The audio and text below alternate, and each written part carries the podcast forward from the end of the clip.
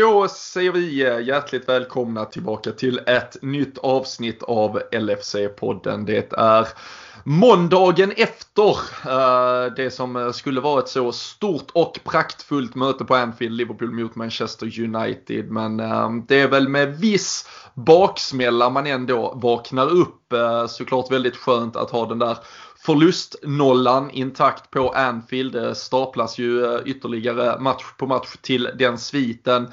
Men eh, det var en match som ändå lämnar mycket att önska och vi ska såklart prata om allt som hände, allt som inte hände på Anfield igår. Och sen är det ju nu en ja, intensiv period också så det väntar ju faktiskt match mot Burnley om bara några dagar. Så det finns mycket att ta tag i och i vanlig ordning så gör vi det tillsammans med LFC.se SE. Det är ju där ni håller er ständigt uppdaterade. Eh, det är skadebekymmer, spelare som vi hoppas går kamp mot klockan som ska tillbaka. Eh, det är ju ett transferfönster som är öppet även om det är väldigt, väldigt tyst på den fronten just nu. Men LFC.se är ju alltid platsen att eh, ja, men se till att man kanske börjar sin dag och avslutar sin dag så vet man att man inte har missat någonting som rör Liverpool. Men eh, nu gör vi som vi brukar. Vi sätter oss till rätta. Jag ska få sällskap av Daniel Forsell och så snurrar vi igång ännu ett avsnitt av LFC-podden.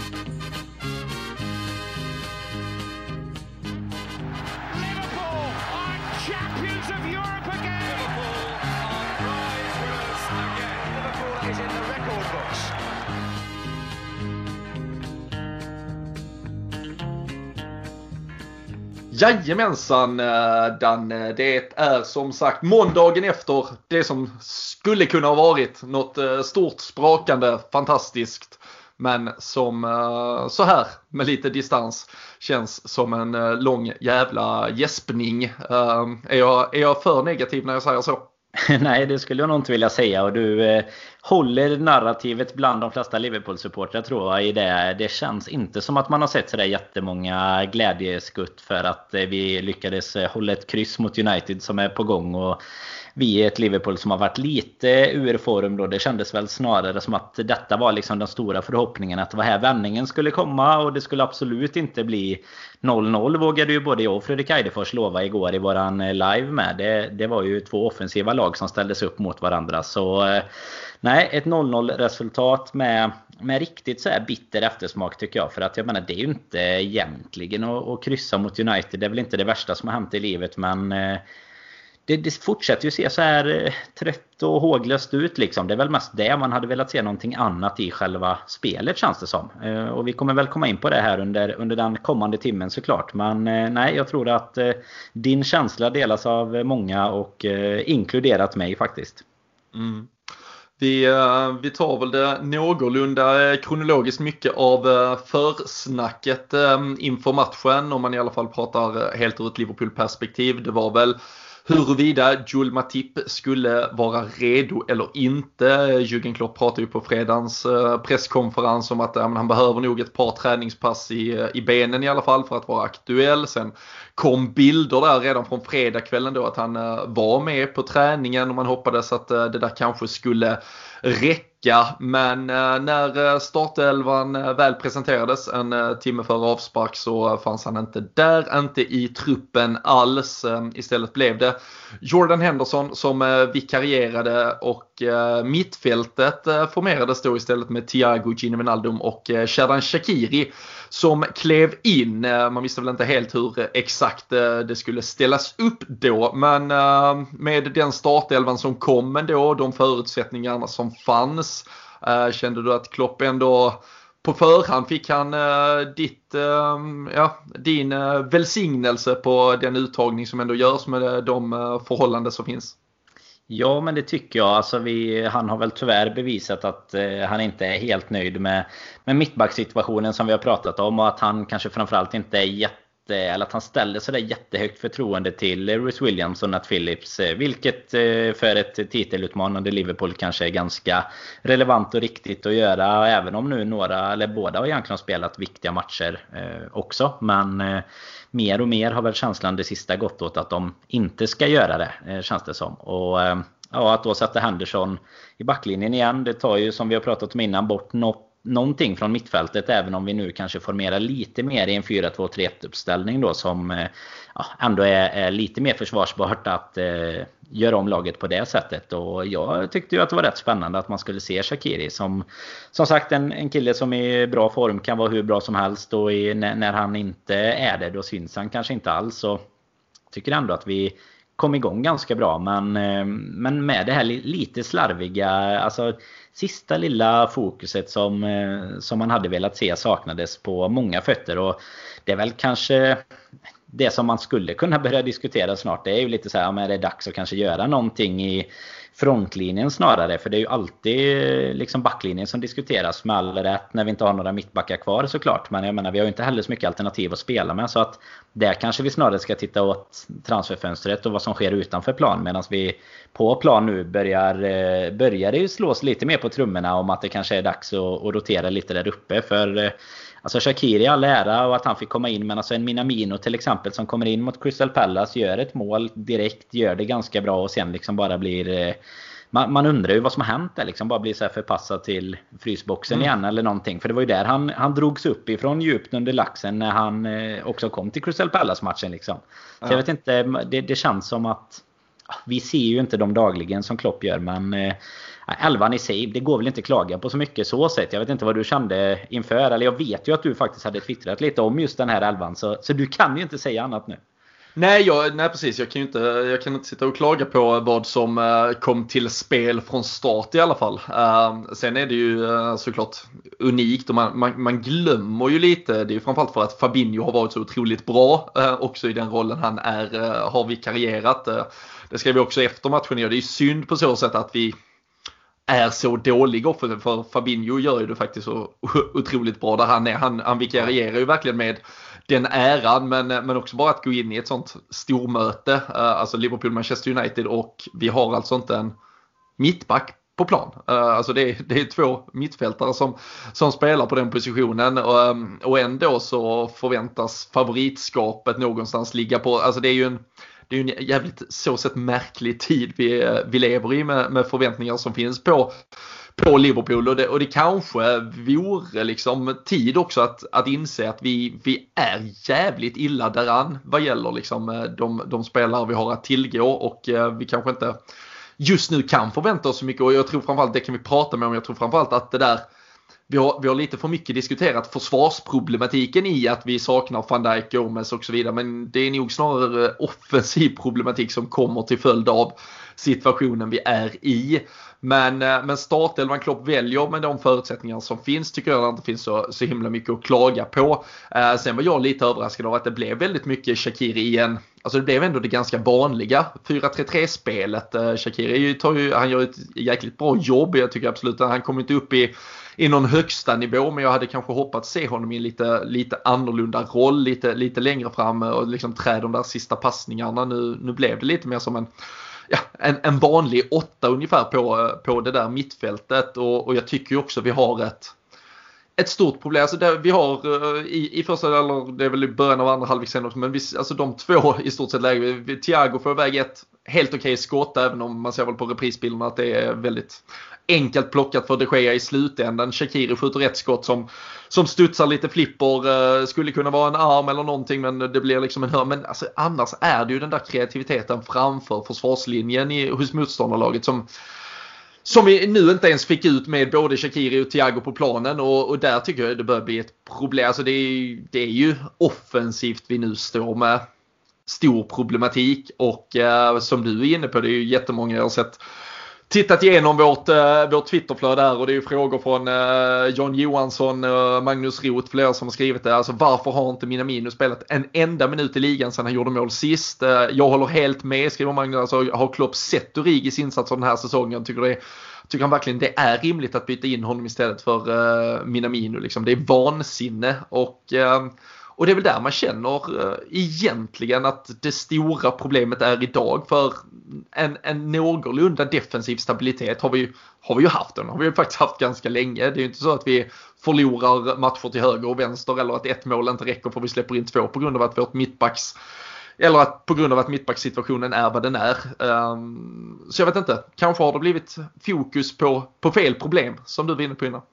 Ja, men det finns ju i alla fall en anledning att sätta frågetecken liksom. För det, det, är ju, alltså Mohamed Salah, ser alltså, det är ju helt sjukt egentligen när man tittar på skytteligan så kan man inte säga så mycket. För jag menar han är ju där uppe i toppen. Men det, de här sista matcherna, de är eh, framförallt fyra senaste matcherna egentligen där vi inte har vunnit då. Som vi, som vi på något sätt eh, igår också i våran live där konserverade ner till liksom en lång match. Och det fortsatte ju bara med 90 plus stopptid ytterligare igår egentligen av den här typen av spel och, och liksom brist på kreativitet. Och framförallt är det ju så att vi ibland då så, så har vi ju levt under förra säsongen och, och liksom lite i början på denna med om man tar även Diogo Kotas liksom eh, ja, succé i början här när han kom så, så har vi levt så mycket på att vi kan vinna med uddamålet för att det är någon liten individuell briljans som, som kanske avgör när spelet inte riktigt klaffar då. Men nu saknar vi liksom det på alla våra de här som, som kan bidra med det, typ Sala som kan stänka dit någon mané som kan dra någon gubbe sådär.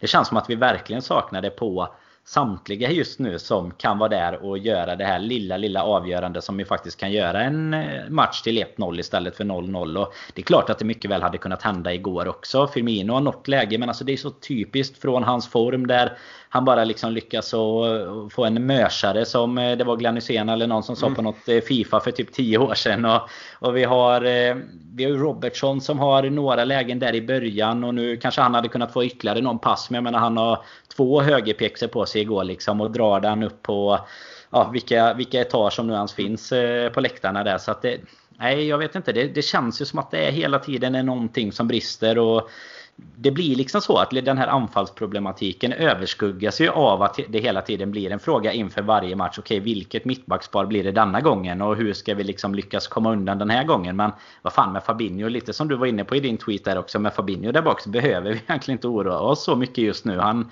alltså spontant som jag kommer på, förutom några så här extremt eh, bra brytningar till han säkert gör, så har han ju både en när han bara liksom stoppar Martial bara så här han, han har dratt någon gubbe, Trent tror jag det är. Sen bara så här kliver Fabinho in och bara nej alltså nu räcker det. Så bara stoppar han honom. Och sen är det något där Rashford har dratt liksom nästan lagt upp ett läge för sig själv på högerfoten. Och det är lite närmare slutet i alla fall. Men där han liksom ändå lyckas att springa i kapp liksom. Alltså han är ju en otrolig mittback. Eh, som dessutom inte är mittback. Det är...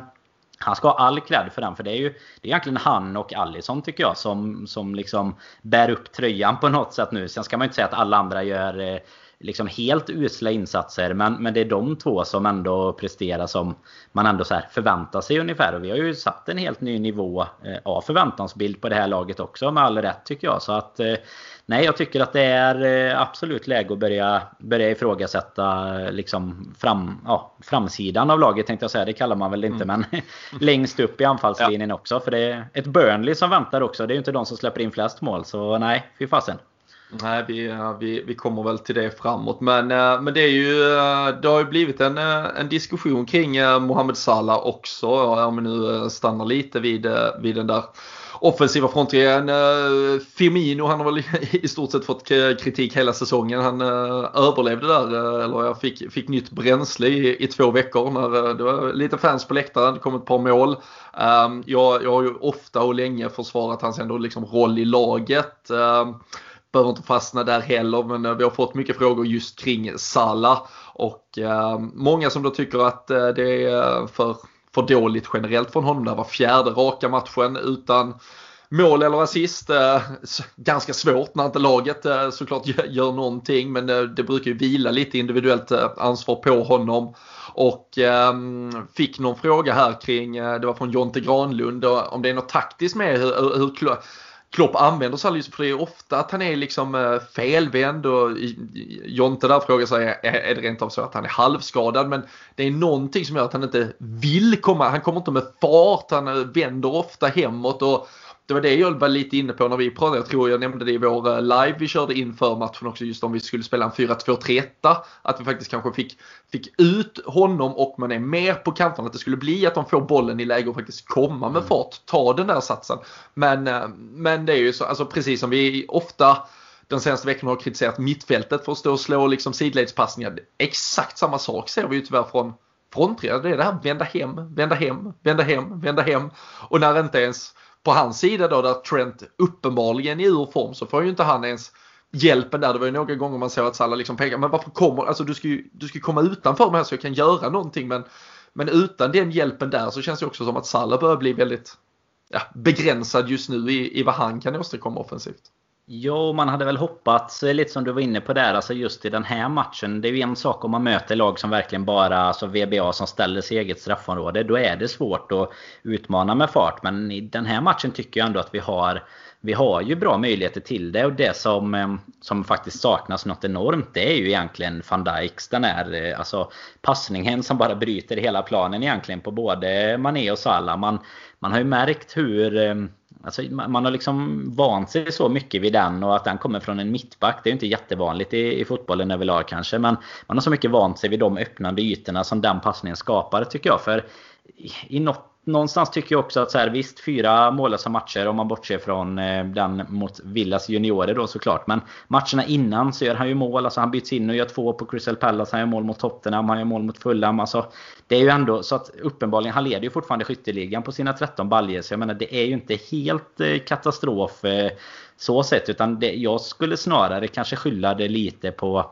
på laget totalt. Sen ser ju han eh, överlag, alltså det tycker jag även att han gör när han är i form. Liksom. Alltså jag tycker inte alltid att han ser jätteglad och sprudlande ut på planen. Liksom, utan det kan gå väldigt upp och ner det där också. Så jag vet inte om man läser in för mycket i det. Sen är det klart att det blir, det blir ju frustrerande om han känner gång på gång att han inte kommer förbi. Alltså Luke Shaw får man ju, hur ont det än gör att säga, det gör ju en bra match liksom. Och eh, ja, det, vi kanske inte gör det så svårt för honom att göra det heller. Men det blir ju frustrerande och så klaffar det verkligen inte för någon. För vi har ju varit inne på det så mycket tidigare att har Salah inte funkat, ja men då funkar Firmino. Har Firmino inte funkat, då funkar Mané. Och så vice versa hela tiden. Och nu helt plötsligt när ingen funkar då så då, då har vi liksom ingen riktig plan B för som du är inne på, alltså byta in Divock Origi där. Alltså visst, man, eh, det tänds ju något så här litet hopp om att nu ska han äntligen få göra det igen liksom. Men det är ju helt alltså under isen. Det, det, är ju ingen idé. Då kan vi lika gärna ta av gubben nästan för att skapa lite mer yta känns det som. Även om han nu då lyckas vinna någon, eh,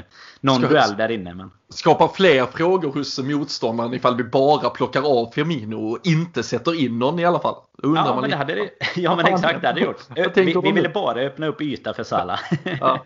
Nej, men jag vet inte vad du känner just kring Salah där, men alltså det, det känns ju, det, det är väl det här också, han utmanar ju inte, alltså det känns ju som att han har haft lite, lite bättre typ självförtroende eller vad man ska säga i, i många av duellerna innan. Alltså nu känns det som det är lite mycket kladd och pill på bollen igen liksom som det kan vara lite emellanåt med, med honom. Men att det är inte det här distinkta, raka som kanske Mané gör lite mer ändå även om inte han får ut jättemycket av det igår. Men han, han försöker verkligen säga jag ska dra min gubbe och så utgå ifrån det. Men, men Salah vet jag inte riktigt vad han vill just nu känns det som.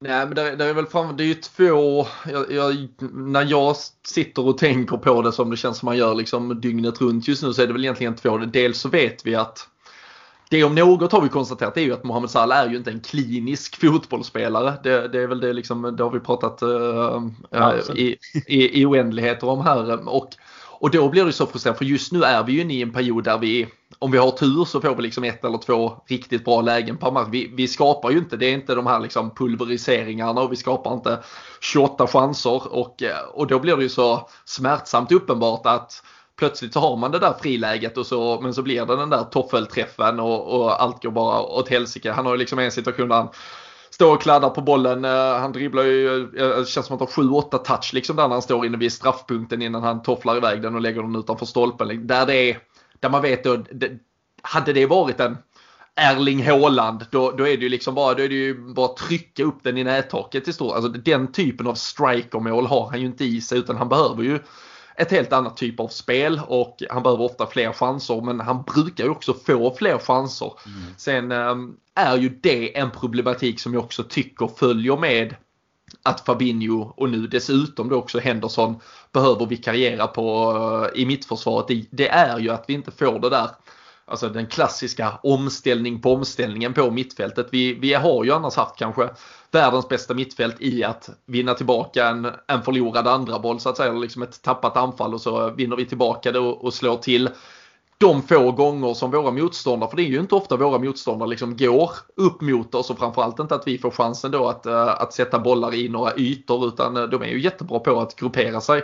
Och när vi då inte tar de chanserna så, så ges det inte mycket utrymme. Det var ju det kändes som eh, det var hundra år som man, där när det är väl Maguire som slår bort den och, och Mané plockar, fiskar upp en sån där boll. Det, det mm. där kändes som alltså, situationer, jag vet det finns ju extrema matcher, den där City-matchen vi vinner med 4-3 alltså där känns det som vi gjorde det sju gånger i stort sett. Men det har ju varit perioder där det, så där gjorde vi hela tiden. Om det så var mittbacken eller om det var någon inom mittfältare i motståndarlaget som tappade bollen och så. Och så var vi sylvassa. Vi satte en djup passning, en pass in kanske och så var det avslut i stort sett. Det där nu, nu verkar vi lika, så spelarna verkar ju lika överraskade som jag för det blev ju bara pannkaka av skiten ändå till slut. Och, men, men där märker man ju att man sa, där saknar vi ju någonting och um, innan vi egentligen får grepp om den delen. Nu pratas det så otroligt mycket om att ja, men Thiago, nu får vi igång Thiago och sådär. Men inte ens Thiago kan ju stå och alltså det, det är tillräckligt bra lag vi möter som, mm. som kan stå och försvara. Så, så mot de här helt uppställda försvaren och med den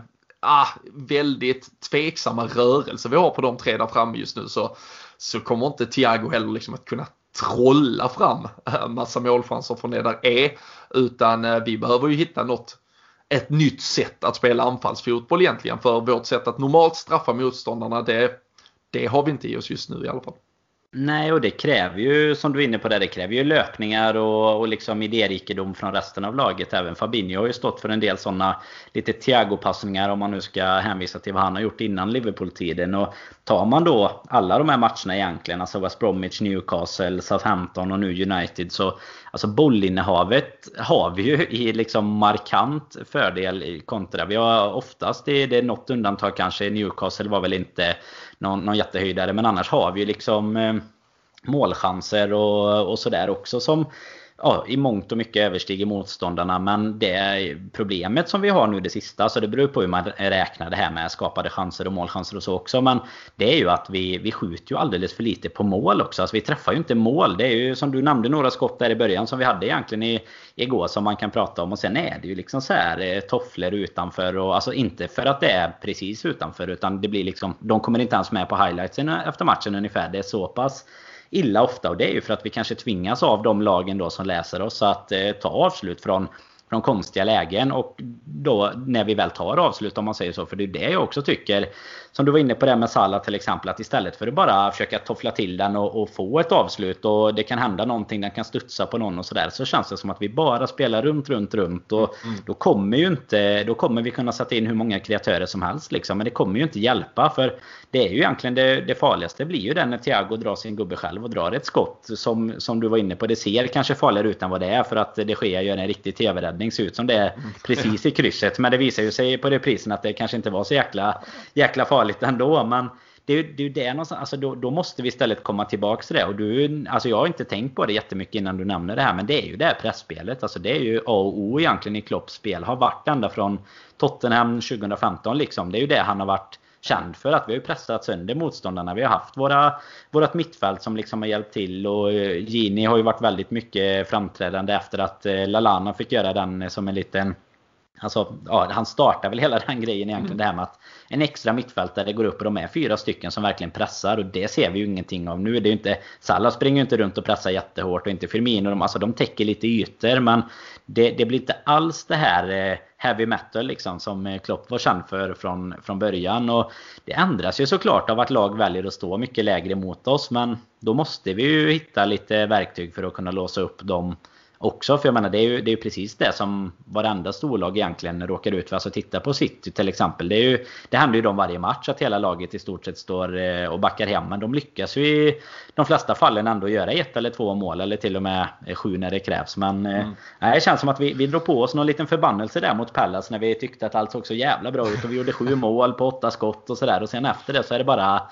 Då, då har vi inte fått någonting med oss istället. Ja, jag tror vi hade väl någon sådär, på de sju målen, de gjordes väl på så här 1,48 i sådana här expected goals eh, eller någonting och, och, nu har vi väl då noll mål på, eh, eller ett där mot West Bromwich på något totalt på 4,5. Alltså även om det, har ju, det är inte så att det, eh, det har varit, vi vet att förr i tiden man, brukar man prata om liksom att målvakter och sådär, gärna så här andra målvakter, det var till och med Bogdan som kom med Bolton liksom och, och spika igen och sådär. Det var, det var många som gjorde det till, till sin grej lite men nu har vi ju faktiskt inte ens Eh, utmanat målvakterna på det sättet. Och eh, jag tycker precis som eh, alltså du, du också fyller på med och är inne på så det här med mm, Jordan Henderson pratade efter matchen om att ja, men vi är inne i en fas, det här är en fas, det, det kan hända alla. Vi, vi får faktiskt konstatera att det här är, det är den längsta mållösa sviten i Premier League för Liverpools del sedan 2005 så det är ju det börjar bli ganska extremt unikt eh, det vi nu eh, upplever. Men han då pratar om att ja, men i, i de här lägena kanske man behöver bara ha lite man behöver ha lite tur, det, det får gärna studsa någon eh, rikoschett liksom, eh, någon boll som bara dimper ner och så, och så trycker man dit den och sådär. Men det är väl eh, Alexander Axén som gjort sig lite känd i eh, fotbollssverige i alla fall för att prata om att man, eh, det finns inte, inte tur eh, i fotboll. Eh, och det kan man väl diskutera väldigt mycket fram och tillbaka. Men framförallt så måste man ju åtminstone kanske ibland försöka förtjäna turen eller att sätta sig i läge där man kan ha tur.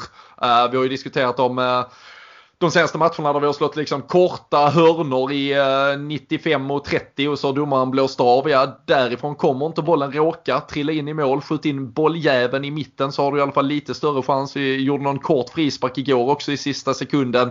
Ja. Vi, vi spelar som sagt bollen ut ur straffområdet istället för att bara tvåla dit möget liksom. Och, och det är där jag känner lite att det, den gnist, alltså för fan, alltså lag som West Bromwich gör ju trots allt också mål ibland, även om de förlorar med 3-1. Men att göra mål är ju för att du i alla fall sätter dig i ett målchansläge. Eh, sen förstår jag att vi har i någonstans byggt ett DNA och ett sätt att spela fotboll som gör att vi har förväntningar på oss själva om hur det ska se ut. Men, men att man inte någonstans här längs vägen de senaste veckorna har alltså tryckt lite mer på att någon förändring måste nog till. Alltså som sagt, om det är ja, om steg ett är ja men vet ni vad, vi börjar skjuta. Var, var femte gång vi rullar förbi den framför deras mittback, då, då får det vara ett skott. Då får vi prova i alla fall. Kanske får vi en hörna, kanske får vi en, en frispark, eh, kanske så studsar den plötsligt och så petar man in en retur eller någonting. Alltså, du är inne på det också när vi spelar, normalt sett vet jag att vi spelar ut till Robertson i en fri yta snett inåt bakåt men eh,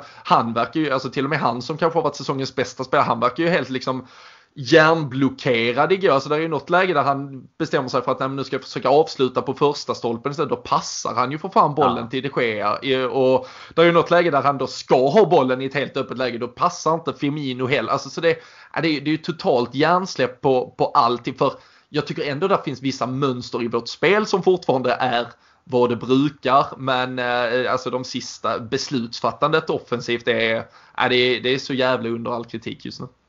Ja men det låser ju sig på något sätt känns det som för dem. För det är lite det jag var inne på med i början här att Jag tycker framförallt i början på matchen att vi Att vi kanske egentligen skapar nog för att Alltså det låter ju konstigt att säga men vi skapar nog för att få ett läge att göra mål egentligen om man säger så. För det är ju så här Vi kommer ju till nästan lägen. Vi kommer inte till de här allra skarpaste lägena.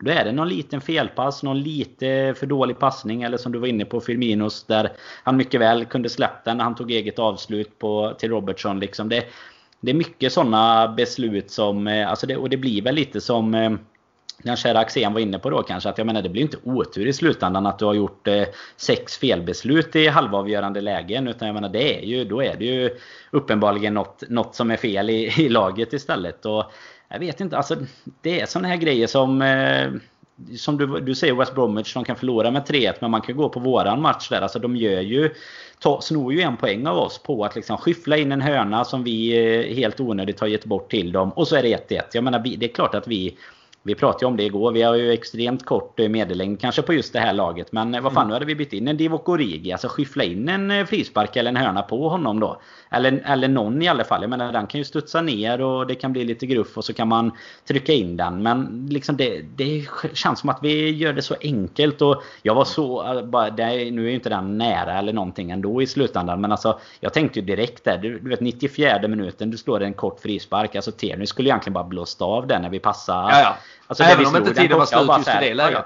Bara för att förklara, Nej, ni är så jävla dumma i huvudet. Alltså ni är fan Nej, helt menar, jävla hjärnlösa. Ja men det var det ju ändå. Det var det ju ändå så här minst tre minuter. Vi kan ju diskutera mm. det som hände i första halvleken med. Men det var det ju så här minst tre minuter och det vi var uppe på ändå 3.30 typ. Och då drar vi en kort passning och sen slår in. Alltså bara dra mm. in den stenhårt så kan han studsa på någon. Det kan hända någonting. Alltså vi utmanar ju inte ens lag. Men det är ju samma de här korta hörnorna som vi gjort två gånger i alla fall. Som jag kan komma ihåg på rak arm mm. nu det senaste i, i slutminuten. Alltså Fan, lägg in den bara. Alltså det, kan, det har ju hänt sjukare saker än att Salah eller någon eh, också kan nå högst och nicka in den. Och jag menar Mané kanske inte längst i världen men han har ju en jäkla spänst och sådär. Så jag menar bara slå in den så kan ju saker hända. Det kommer definitivt inte hända om vi börjar passa runt straffområdet istället. Och det, det är väl inte så eh, vi, vi ska eh, liksom spela i, i 90 minuter. Men när det är 90 plus på klockan så försök skapa ett läge istället för att, att hålla er till passningsfilosofin. Liksom. Det är ju nästan lite Pep Guardiola i Barcelona-känsla så här att eh, ingenting eh, får eh,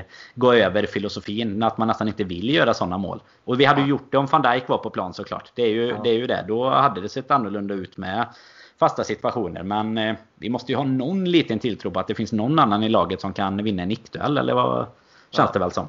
Ja, det känns som mäktiga Big Sam-podden här nu som uh, står och skriker på spelarna att de ska skicka inlägg i alla fall. Men nej, jag, jag, tror att vårt budskap och våra tankar kring det um, har gått fram i alla fall. Och det, det är, väl, det är väl där jag känner just den här, alltså precis som liksom beslutsfattandet i offensiv, nu, nu, vi ska inte heller fastna i och klaga på Trent och, och gnälla för mycket över det, men där är ju uppenbarligen något som saknas. Så där är också liksom när han ska göra något hemåtspel, nicka hem den och bara nickar ut den till hörnet. Alltså det är ju någon, ah, där är ju någon liksom sista procent som, som inte är där hos spelarna. Om det är liksom det här långa jävla coronasäsongen och, och allt märkligt som det är. Men man hoppades ju det var lite det jag kände som vi pratade, alltså just det här med att man har fått se 270 minuter av samma jävla färg som torkar de här tre andra matcherna man kände ändå United stormatch, ett långt uppehåll där vi har, nu har alla de här diskussionerna varit liksom.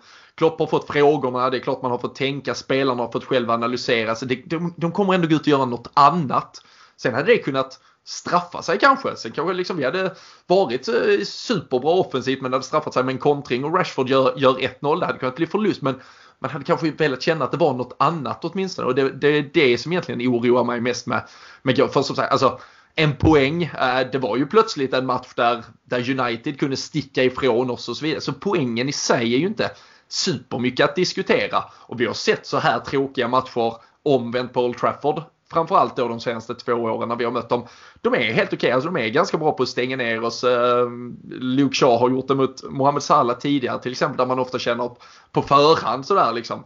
Fan det här är ju, kommer ju vara ehm, hur lätt som helst för Salah att skaffa sig ett övertag. Men äh, att, att det återigen blev som det blev.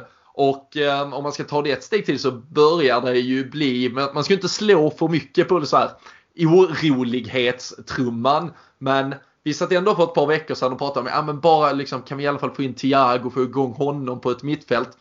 Han blev inbytt med 17 minuter kvar mot Newcastle. Spelar hela matchen mot Southampton, spelar hela matchen igår.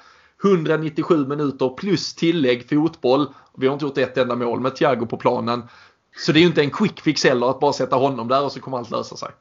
Nej, definitivt inte. Och förra matchen, han, alltså nu eh, gör han väl en del, eh, en del bra grejer såklart igår. Men, men sist där så mot Southampton så gör han ju ingen speciellt bra match heller eh, om man ska vara ärlig. Och började ju helt fel med att, att dra på sig en varning och sånt med. Och ser ju lite frustrerad ut emellanåt igår med. Han, hade ju, han är ju på nivå med Henderson på Diego Costa-ögonen där. När han, jag kommer inte ihåg i vilken situation det var. Nej, det, men han det, var, det, det var skarpa Tierney, ögon i alla fall. Det var väl när Tierney blåste av i uh, sex sekunder för tidigt där i... Uh... Ja, det kanske var där. Ja, det var i alla fall oavsett så i alla fall var det, var det ju um, nej, härligt att se. Då finns det ju lite glöd i alla fall. Liksom. Men det är ju det som du är inne på också. Vi, det var väl inför Tottenham-matchen. Det är väl en månad sedan nu ungefär när vi liksom sitter och, och så här, den här är extremt viktig nu. Och, ja, det är seriefinal eh, återigen då som det var mot United. Men alltså jag menar nu är vi fyra, Tottenham är femma. Eh, det är tre poäng upp till United. Såklart att det är jämnt. Jag menar City vann ju sin match komfortabelt igår. Kan gå upp i serieledning med ytterligare en poäng framför United då med sin hängmatch. Och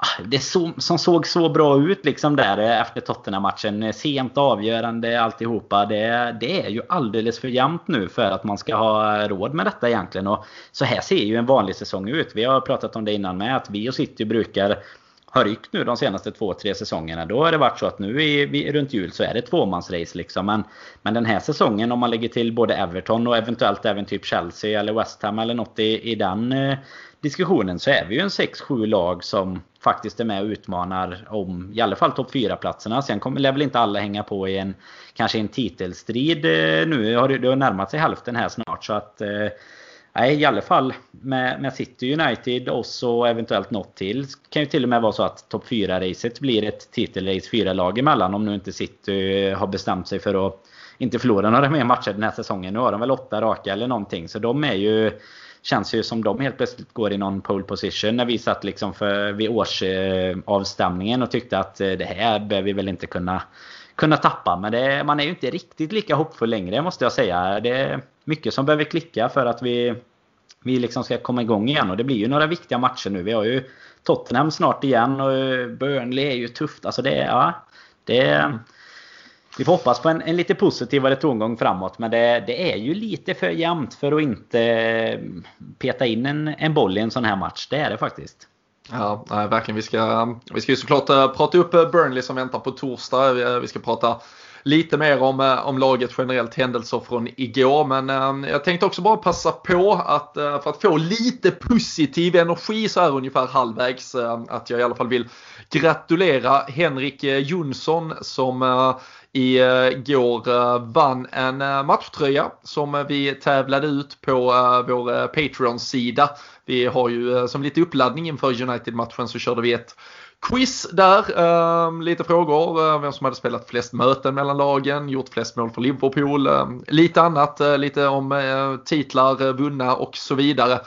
och sen var det en utslagsfråga också. Men ehm, Henrik var bäst. Han eh, svarade rätt på alla frågor i quizet och så var han, ja, han var ju då närmst noll minuter om man skulle tippa det totala antalet minuter för alla gjorda mål. Eh, han, men han hade den totalt då lägsta eh, summan där. Så eh, grattis till Henrik och eh, det är ju rätt kul eh, att det har trillat in lite Patreons och framförallt så händer det ju jävligt mycket. Det är tävlingar, det är extra material. Det, det känns som att eh, om Liverpool går på lite sparlåga så har ju podden eh, växlat upp enormt i alla fall inför eh, 2021.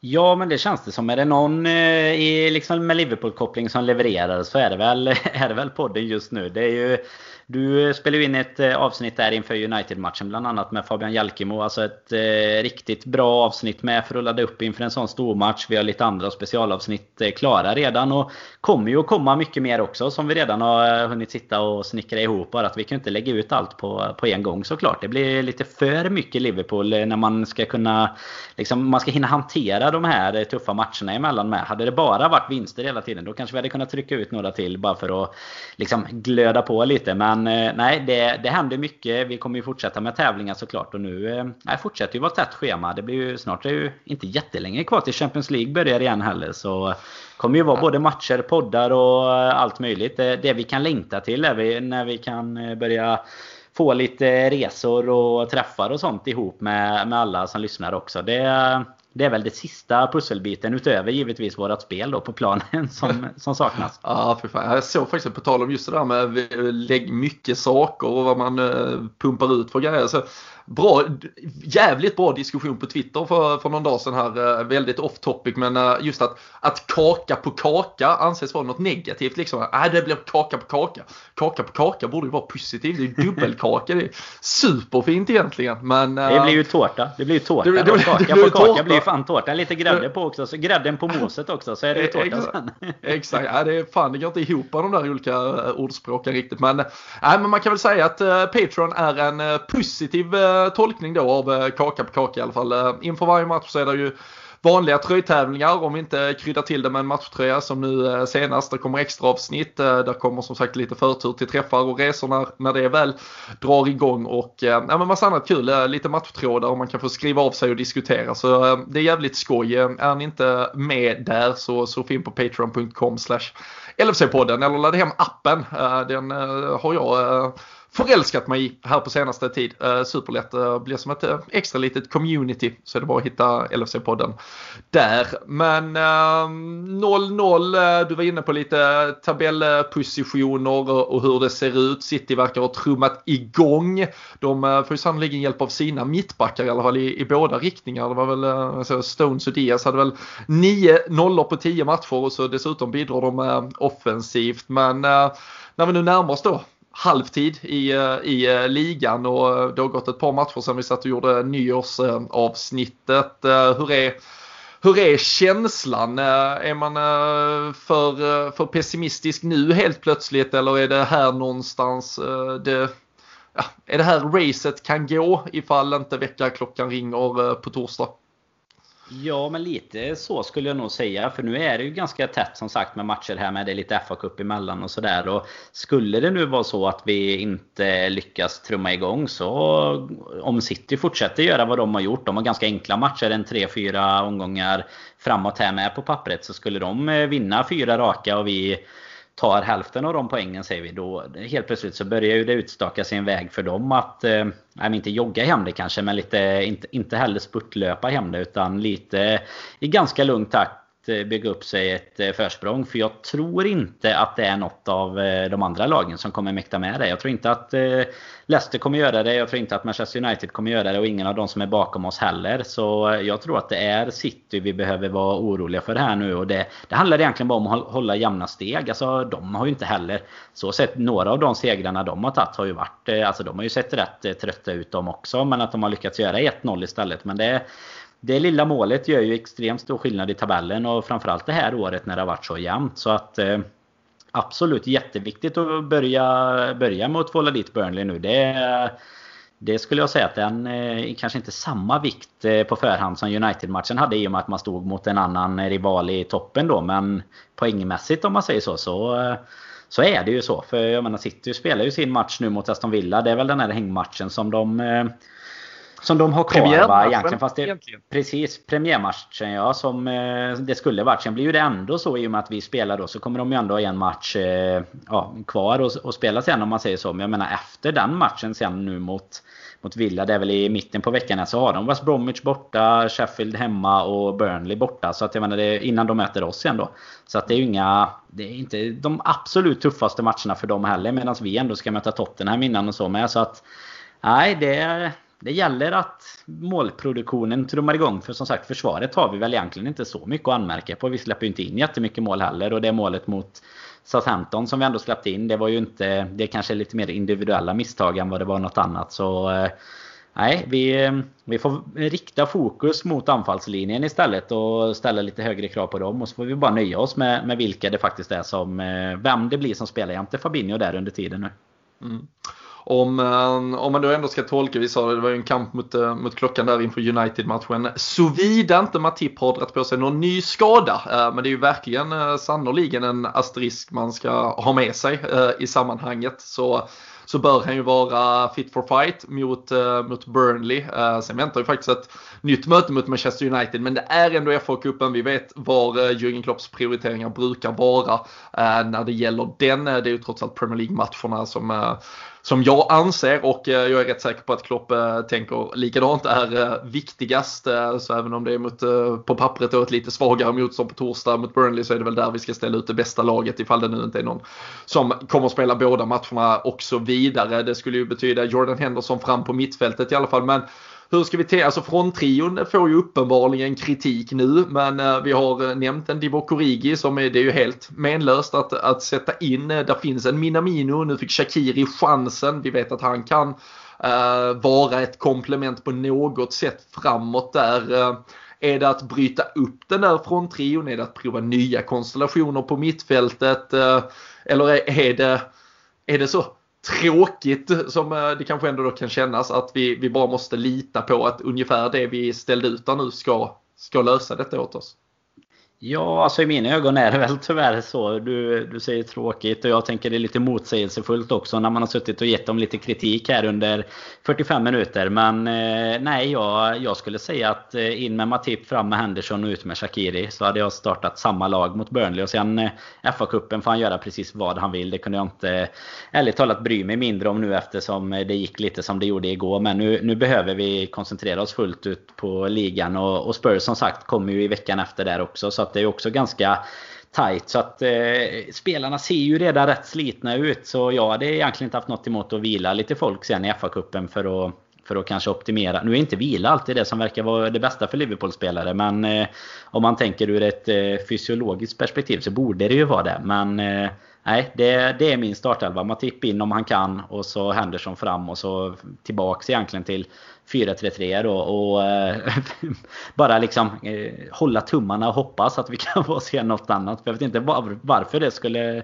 se annorlunda ut. Men kanske Henderson upp på mitten kanske kan göra någonting. Jag vet inte. Ja. Vad, vad känner du Robin? Mäktigt. Man, man ser liksom Klopp i, i försnacket när han tar ut laget så här. Så Ja, jag vill egentligen inte starta er, men jag måste och nu hoppas jag bara att ni ska vara bättre. Det är liksom... Ja, men du vet, jag, jag känner ju nästan lite så med dem vi har. Alltså nu, vi kan prata där om skador och sånt. Vi har ju samma gubbar kvar på skadelistan. Vi vet att inte Jota kommer vara tillbaka nu och, och liksom så här. Men på något sätt känns det så. För jag menar, vi kan ju inte starta en Origi till exempel. Alltså alternativet hade väl det det varit då, Minamino. Men, ja, det, men jag, jag känner inte att det är, han är där heller riktigt. Det var ju det som var så mäktigt med att få in Jota. Uh, han var ju den spelaren. Ja. Det, det, var ju okej okay att man kunde faktiskt ha en ganska intensiv debatt kring Roberto Firminos vara eller inte vara i startelvan. För det fanns ju faktiskt ett fullgott alternativ.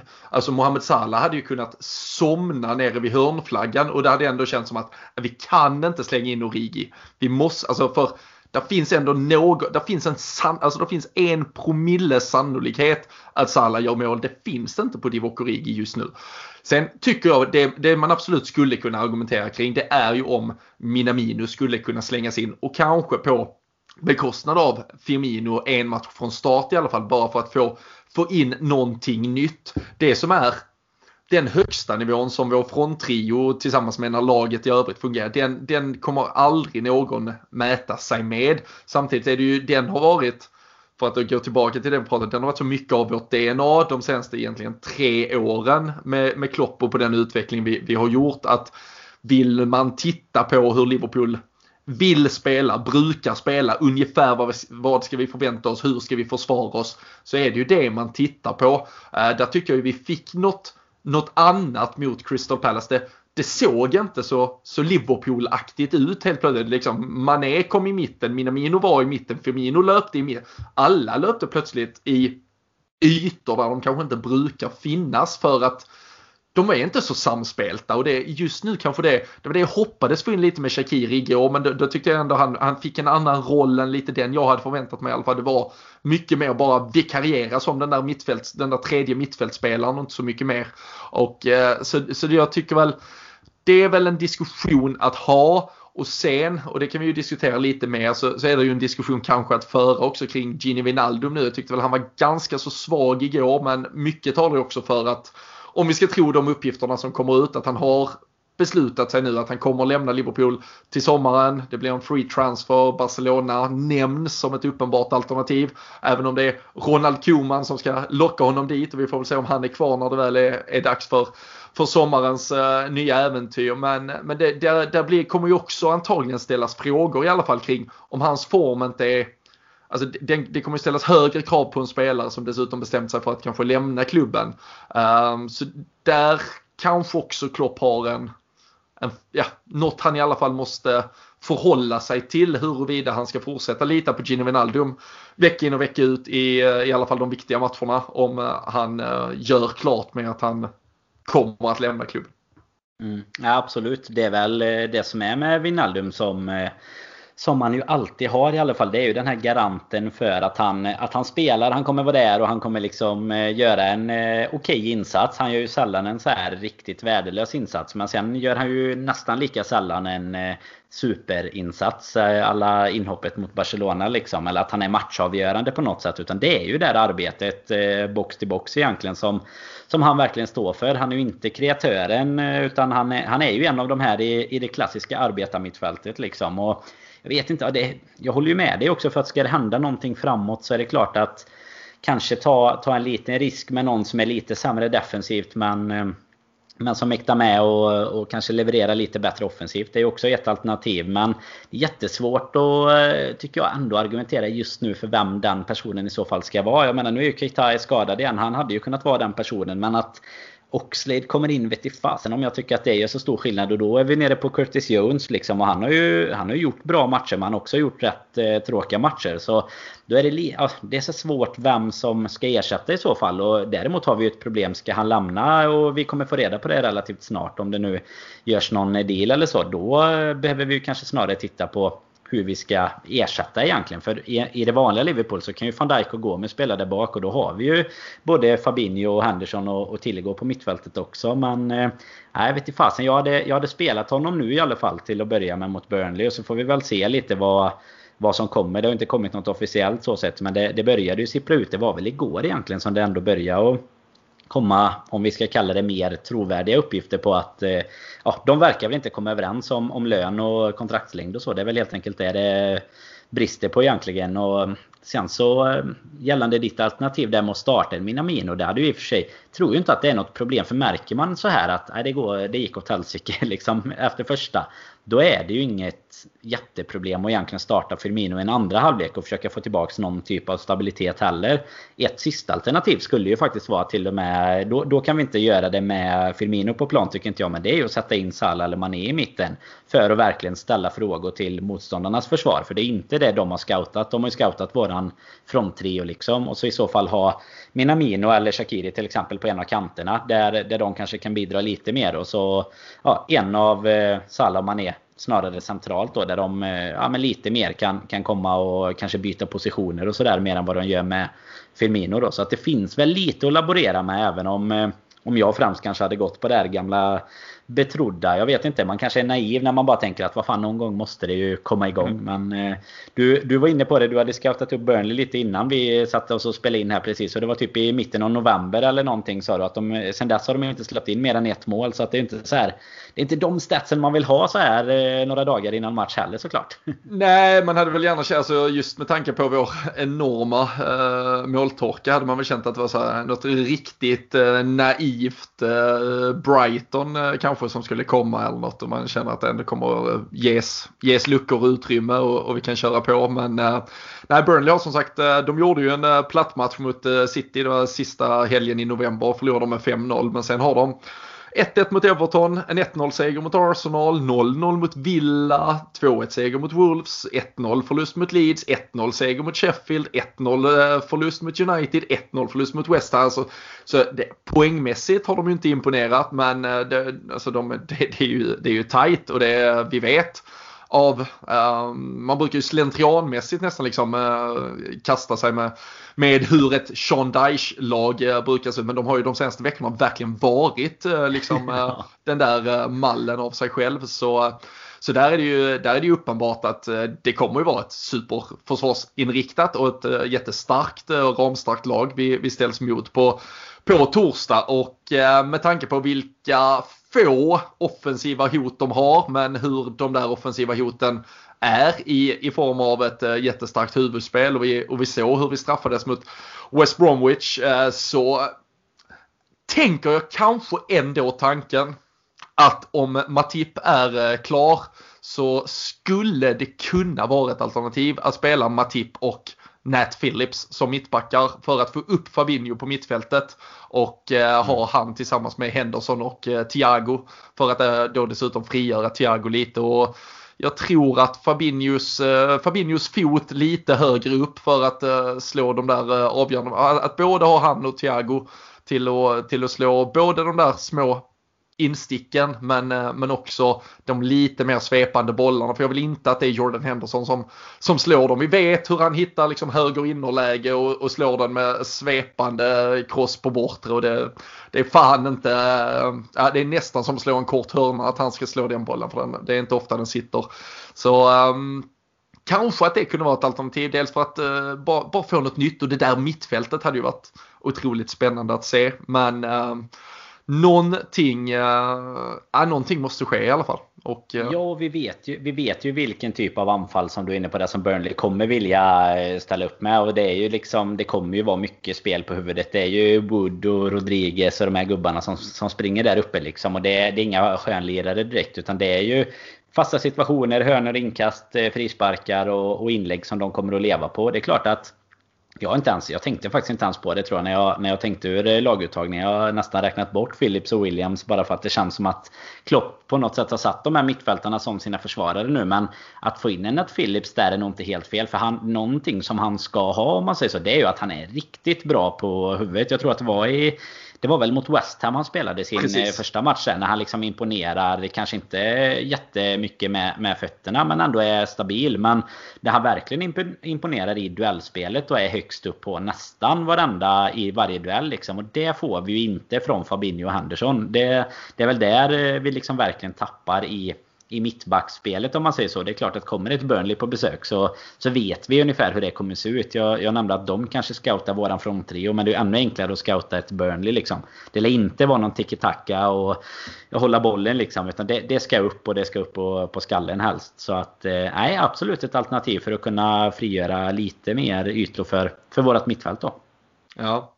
Ja, någonting uh, behöver uh, ske. Det behöver uh, ruskas om lite och Burnley som sagt extremt målsnåla. Men frågan är Danne, som så många gånger förr till din spåkula om, mm. om det kan bli eh, någon islossning eh, överhuvudtaget. Eh, tre poäng. Eh, det är, ja, du var inne på vägskälet. Manchester City som eh, på många sätt har superchans att trumma igång. Eh, seger måste det ju faktiskt nästan bli för att eh, det här inte ska börja kännas eh, riktigt eh, deppigt. Ja, men jag känner lite så. Vi har ju haft eh, rätt bra statistik egentligen på Burnley. Man tycker ju det är ju alltid ett sån här eh, man, man kommer ju alltid ihåg dem för vad de är helt enkelt. Nu eh, när vi redan hade säkrat ligan där så blev det väl 1-1 hemma om jag minns rätt. Det var ganska rejält spelövertag för våran del. Men sen gjorde J. Rodriguez någon kvittering med 15-20 minuter kvar eller någonting. Men annars är det väl egentligen segrar, eh, om jag minns rätt, typ 4-5 matcher bakåt i alla fall. Så jag tycker ju ändå att eh, Klopp verkar ha hittat någonting på just ett Burnley. Och du nämner ju att det just City de, eh, de förlorar mot där. Så att det, det säger ju kanske någonting. Men ja, lite ur form. Men eh, tre poäng och en 1-0 blir det. Eh, skulle, jag, skulle jag satsa mina pengar på. De tar sin, sin tredje raka 1-0 förlust i så fall. Burnley helt enkelt. Ja, men, men det hade passat bra. Ja, det känns väl eh, hur eh, rimligt som helst faktiskt. Eh, nej, vi, vi hoppas på seger såklart. Borde ju såklart ha kollat. Jag vet inte om de är kvar i FA-cupen och spelar till helgen också. De, de slog Milton Keynes, MK Dons, det fina laget på straffar. Mäktiga. Ska vi bara se när de eh, spelar då. De bör ju spela söndag också. De spelar borta mot Fulham i FA-cupen på söndag. Skulle ju kanske vara, de, eh, de har ju, eh, vi kanske inte har supermycket trupp att rotera kring men för Burnley att gå vidare i FA-cupen är ju inte, det hade ju varit en ganska eh, fin skalp för dem också. så kanske att de till och med tänker lite mer på, på söndagens match än än vad jag hoppas att vi gör även om det är Manchester United. Det är fullt fokus på, på torsdag. Det, det är den matchen som ska vinnas och, och inget annat Absolut. först. Men eh, som eh, vi har nämnt där så eh, tröjtävlingarna och allt möjligt eh, det fortsätter ju. Vi har bara flyttat över dem eh, på Patreon eh, nu tills vidare. Det kommer också komma ett eh, specialavsnitt i veckan. det har lite touchen av att vi har mött United nyligen. Vi möter snart United igen. Vi ska fortsätta grotta lite i i eh, historien och rivaliteten mellan eh, de två klubbarna. Alltså, så var det kanske sådär skönt att bara tänka på något annat en liten stund och inte på senaste matcher och resultat och kommande uppgifter och sådär. Men eh, vi kommer såklart också med ordinarie avsnitt mellan matcher och allt möjligt. Det, det är full fart i poddfabriken och vi finns här oavsett vad Liverpool presterar framöver. Vi jobbar också på, på lite nytt Patreon-material. Där finns ju lite, vi pratar vägskäl här med vart säsongen ska gå. Ehm, vid sidan av den fotboll som spelas på planen kan jag tänka mig att det sitter många managers, uh, självutnämnda där hemma Danne, som uh, kanske också känner att deras säsong börjar gå åt helvete när det gäller fantasy i Premier League. Och uh, då tänkte vi väl uh, krydda upp deras tillvaro lite med, med lite extra tävlingar för, för våra följare. I, vi har ju vår egen liga där tror jag väldigt många redan är med. Men kanske dags att vi slänger in lite nuggets för att få upp eh, humöret på folket där så de har något att, något att kampera för eh, helt enkelt. Ja, men det kan ju känna, alltså för de som känner att liksom totalen och, och i sina respektive miniligor eller i våran eh, poddenliga att det redan är liksom alldeles för långt upp till, till ledarna och totalen så, eh, så finns ju chansen att vara med och köra lite sådana här månadstävlingar och sånt. Vi eh, gjorde ju lite så under vårkanten förra säsongen och tänkte att vi, vi körde även denna säsong så att det liksom blir, ja, men det blir lite roligt att öppna den där jäkla appen igen. Jag, jag vet ju en ja, en poddmedlem, Jocke Lundberg. Vet en som inte har öppnat appen idag i alla fall. Nej, han kan ju börja ja. satsa på de eh, tävlingarna istället. För han ligger ju en bit efter i poddligan där vet jag. Men sitter ju på John Stones, varför man nu gör det. Och så gör han två mål liksom. Så jag menar, en, en sån omgång hade man ju tagit då i, i de här tiderna ja. när man kanske, det har gått åt helsike totalt liksom. Men så kan man ändå vara med månadstävlingar och, och lite sånt där. Så det, det kommer mera helt enkelt. Ja precis. Ja, men det, det kommer det info om eh, helt enkelt. Det, det, blir start, eh, det blir med start i eh, februari. Kommer vi sätta lite extra fokus på det. Det är massa fotboll som ska spelas innan dess. Det finns massa annat roligt att ta del av. Vi hoppas att ni kanske har fått någon form av terapi kring gårdagen. Det är dags att hoppa upp på hästen igen, blicka framåt. Det är dags för seger mot Burnley på torsdag. Men tack för att ni är med oss. Tack för att ni lyssnar. Ta hand om er så hörs vi snart igen.